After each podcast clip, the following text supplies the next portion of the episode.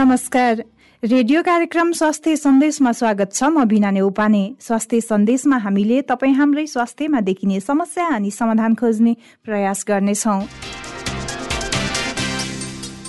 Radio candidate बयानब्बे दशमलव सात मेगा हर्जमा कार्यक्रम स्वास्थ्य सन्देश तपाईँले हाम्रो website W W W dot radio candidate dot com हाम्रो आधिकारिक फेसबुक पेज रेडियो क्यान्डिडेटको एप्स डाउनलोड गरेर तथा पोडकास्टमा समेत सुन्न सक्नुहुनेछ।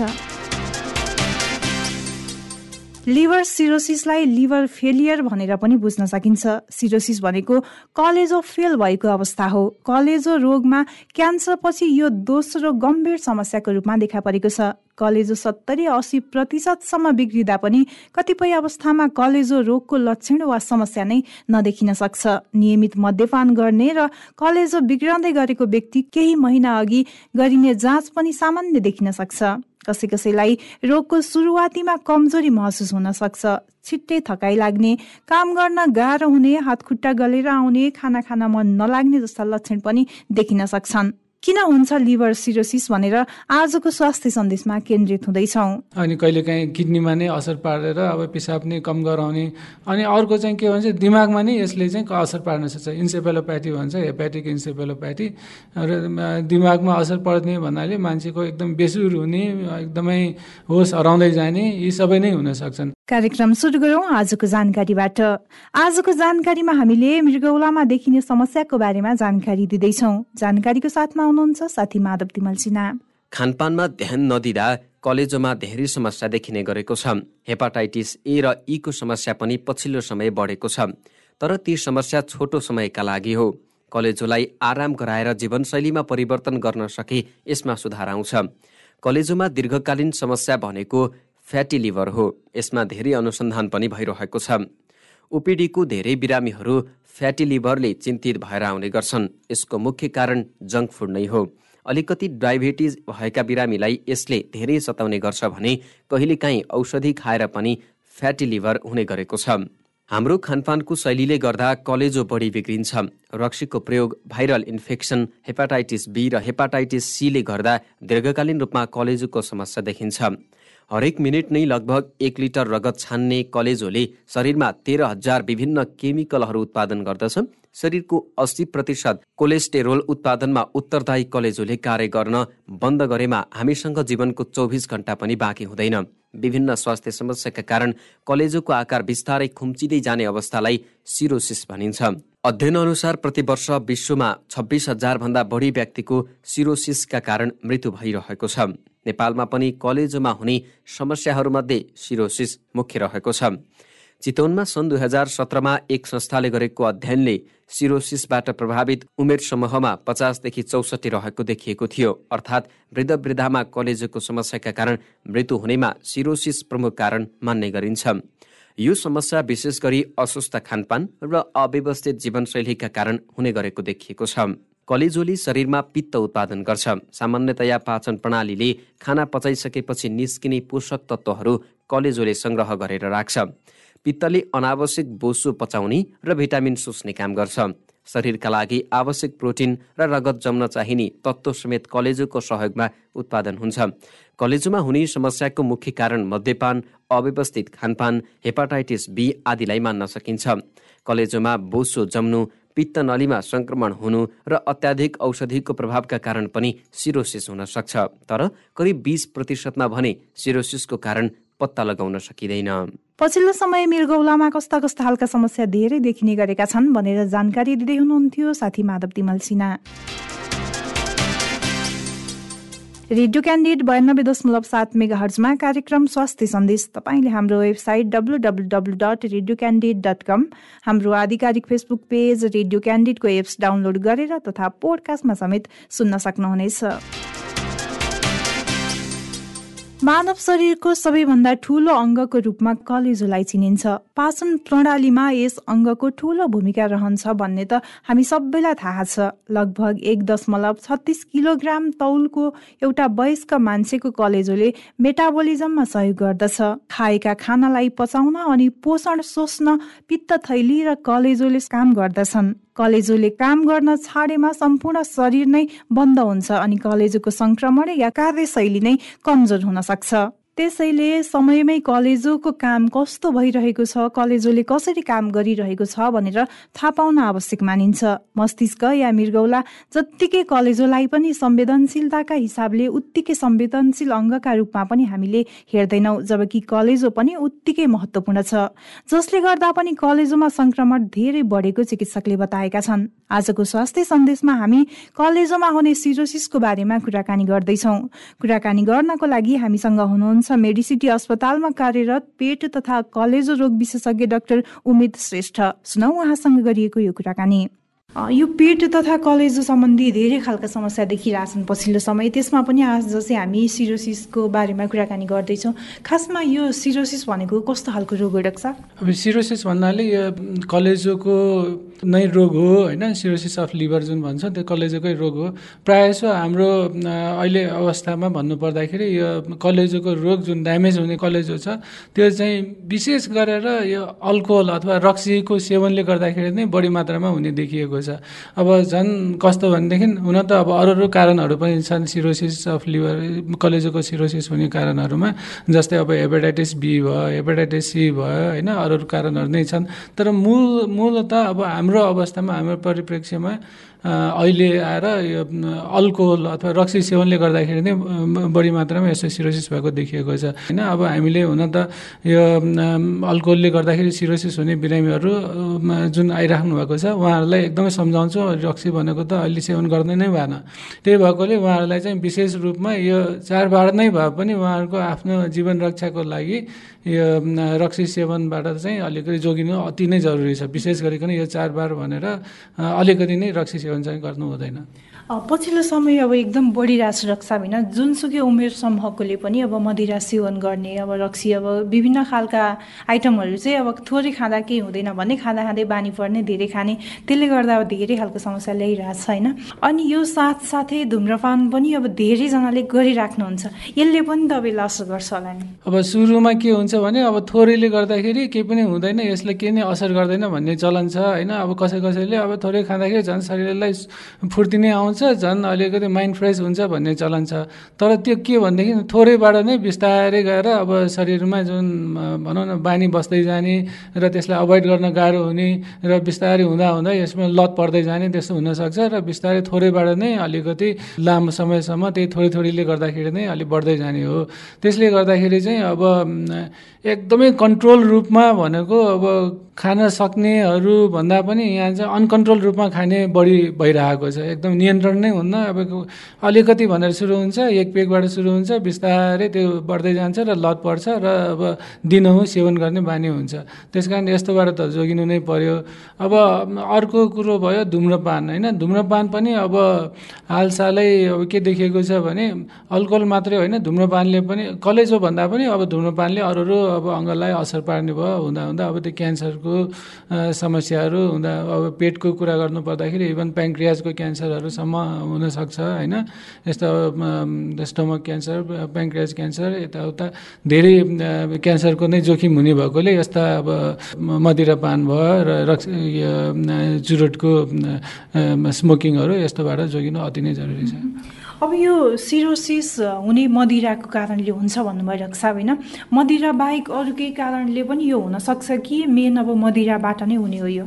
मदिरा बाहेक अरू कारणहरूबाट पनि हुन सक्छन् जस्तै अघि मैले भनेअनुसार क्रोनिक हेपाटाइटिस बी होइन हुने बिरामीहरू हुनुहुन्छ जस्तै hepatitis C chronic hepatitis C हुने बिरामीहरू हुनुहुन्छ भन्नाले त्यो यस्ता लामो समयसम्म हेपाटाइटिस बी हेपाटाइटिस सी हुनेहरूलाई पनि अब लङ टर्ममा गएर क्रोनिक हेपाटाइटिसबाट सिरोसिस हुनसक्छ त्यस्तै गरिकन अरू कजहरूमा जस्तै अब एकदमै कमन त होइन कोही कोही अब भनौँ न जस्तै महिलाहरूमा अटो इम्युन हेपाटाइटिस भन्छन् फेरि अब अरू अरूमा धेरै अरू रेयर डिजिजहरू छन् त्यो मेडिकल टर्म भन्नुपर्दाखेरि फेरि अलिकति प्रस्ट्याउन गाह्रो हुन्छ।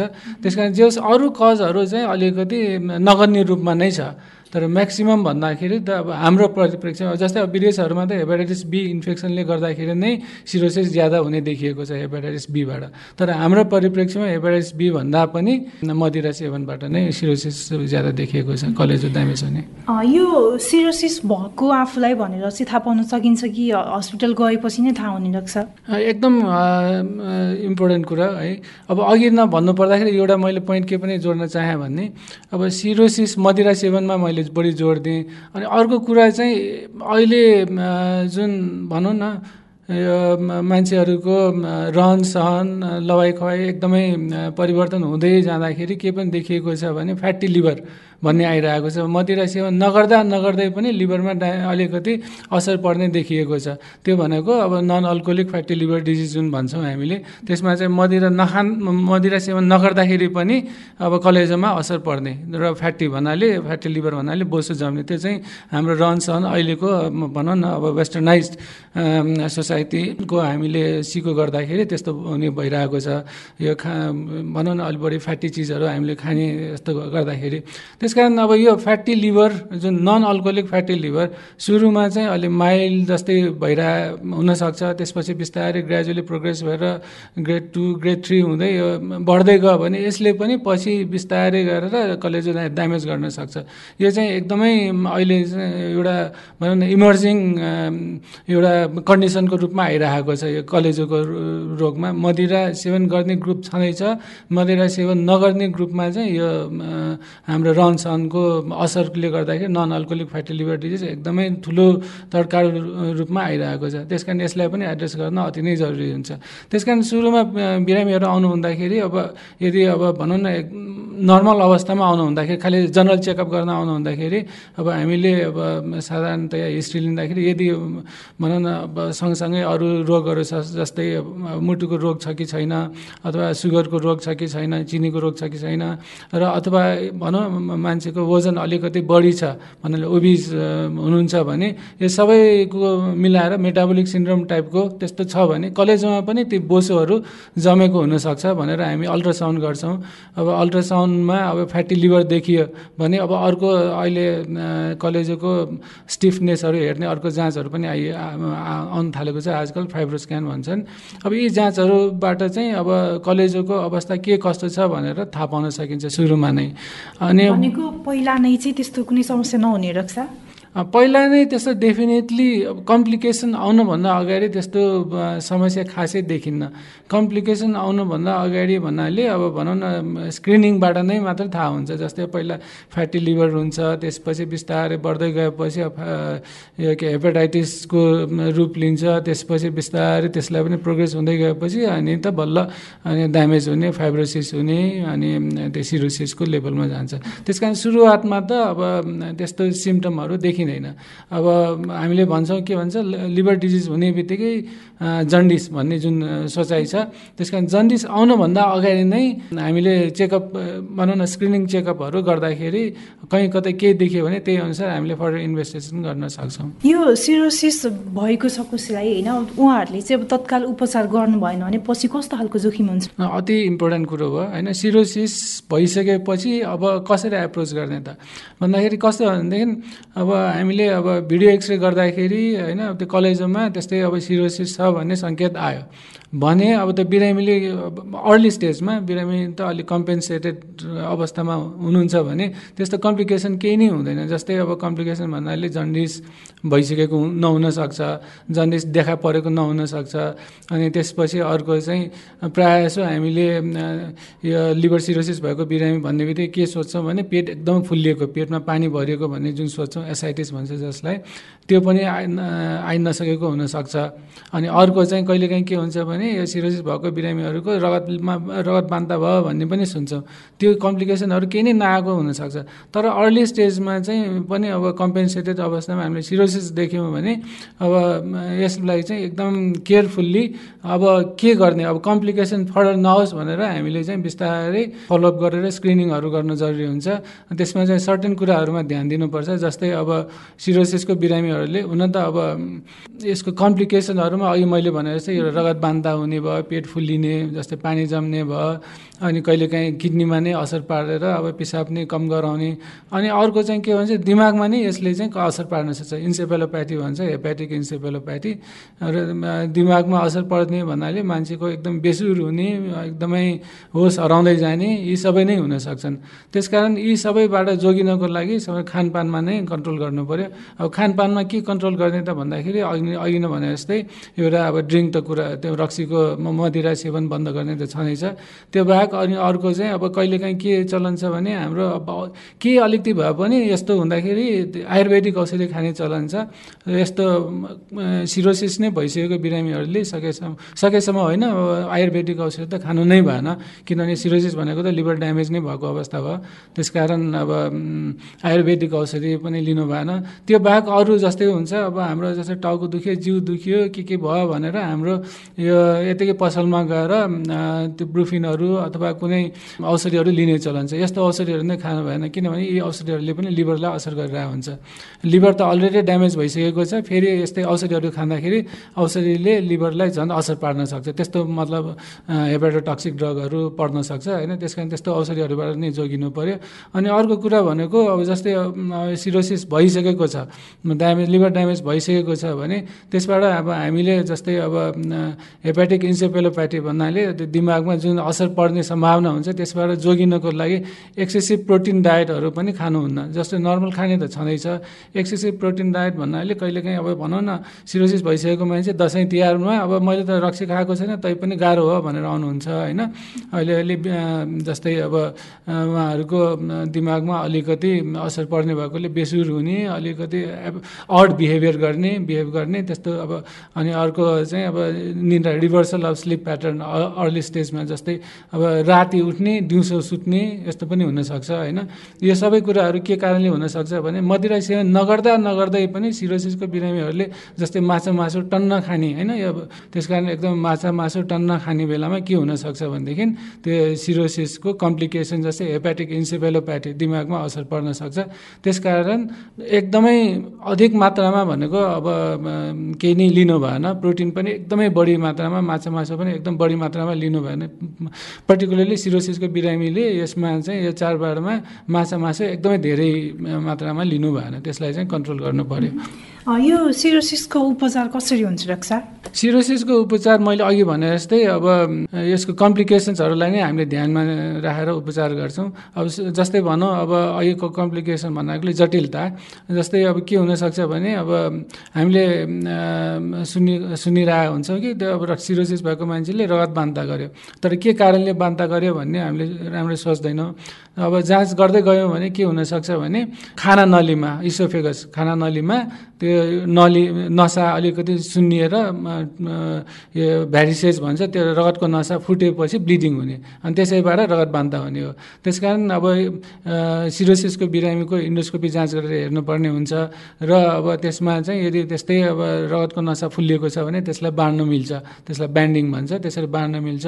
त्यसरी चाहिँ अब रगत बान्ता हुने जोखिमताबाट जोखिमबाट त्यसबाट बचाउन सकिन्छ। अनि अर्को कुरो के छ भनेदेखि पेट फुल्लिने। अथवा त्यो पेटमा पानी जम्ने त्यस्तो हुनसक्छ। त्यस कारण त्यस्तो बिरामीहरूमा पनि अब हामीले एकदमै बढी मात्रामा अब नुन भनौँ न त सल्ट एकदमै सल्टी डायटहरू धेरै नखाने अलिक सल्टलाई लिमिट लिमिटेसनमा राख्ने र अब अलिकति यो पानी चाहिँ पिसाबमा नै हामीले पठाउने हिसाबले त्यो औषधिहरू दिन्छौँ। त्यसबाट पनि बिस्तारै पेटको त्यो फुलिएको साइजहरूलाई अलिक घटाउने लान्छौँ।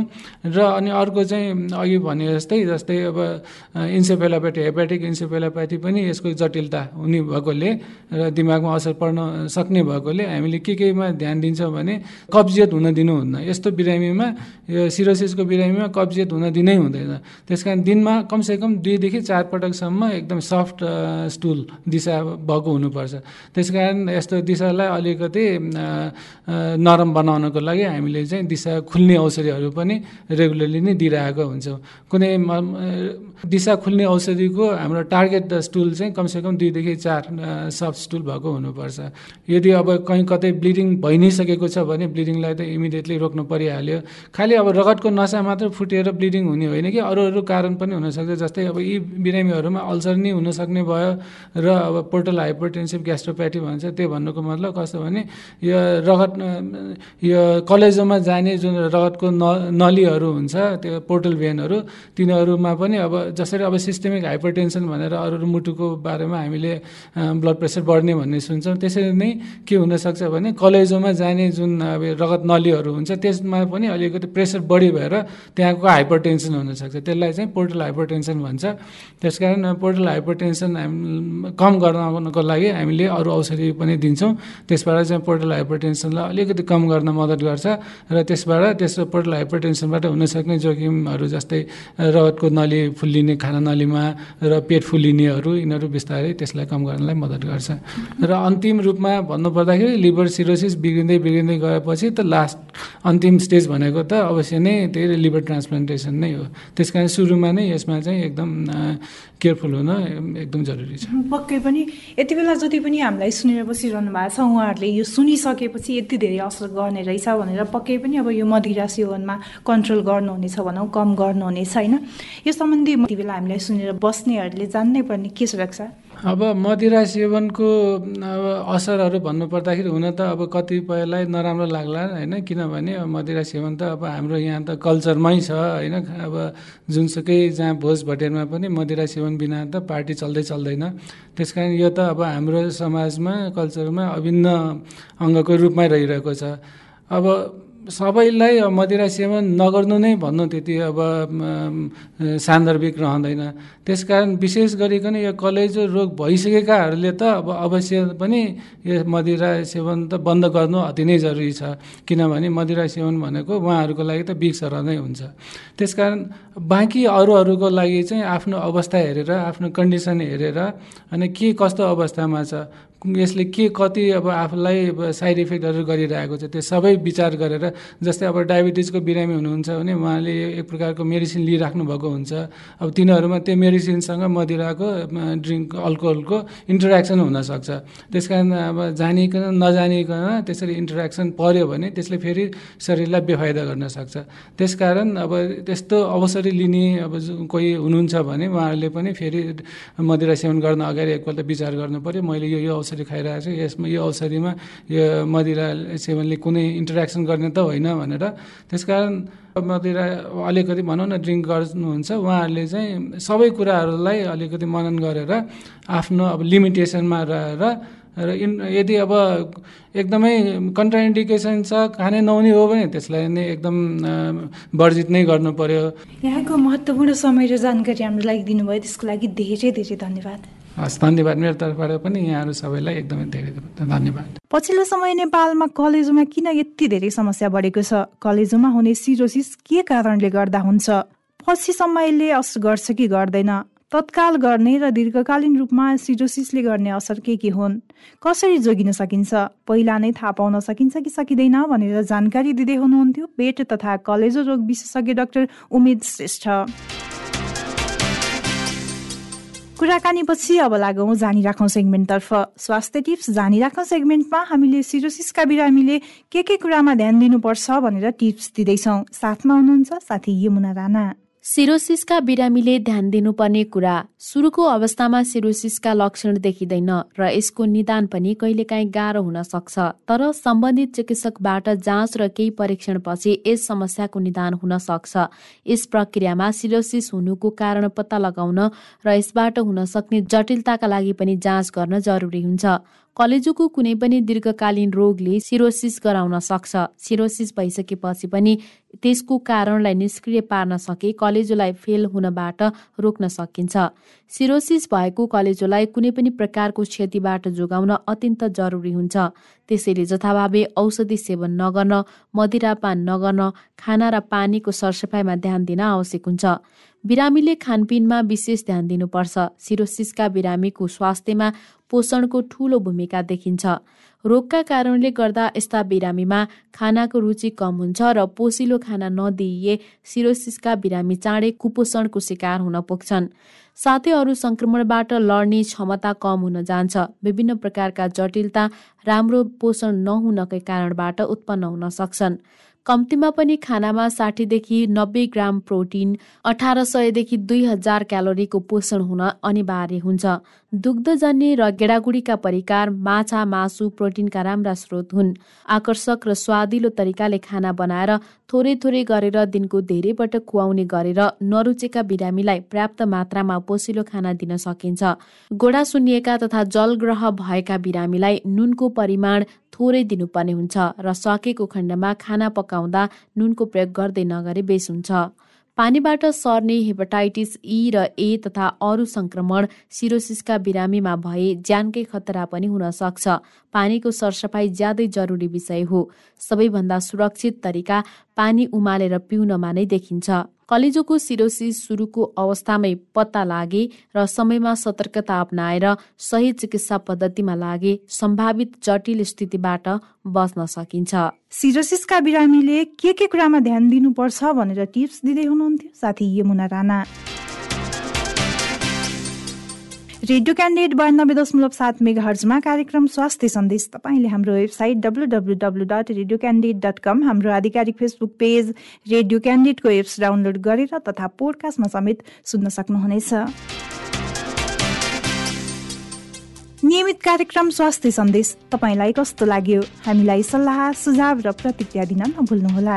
त्यसको लागि हाम्रो ठेगाना हो कार्यक्रम स्वास्थ्य सन्देश रेडियो क्यान्डिड बयानब्बे दशमलव सात मेगा हर्ज दरबार मार्ग काठमाडौँ। यस्तै हामीलाई हाम्रो फेसबुक पेजमा मेसेज तथा इमेल ठेगाना radio candid ninety two point seven at the rate Gmail dot कममा मेल गर्न सक्नुहुनेछ। हवस् त। नियमित कार्यक्रम स्वास्थ्य सन्देश भोलि यही समयमा फरक विषयवस्तुका साथ उपस्थित हुनेछौँ। कार्यक्रम अवधिभर प्रविधिमा साथ दिने सृजना भुजेल सहित कार्यक्रम स्वास्थ्य सन्देशबाट बिना नै उपाने बिदा हुन्छु। नमस्कार।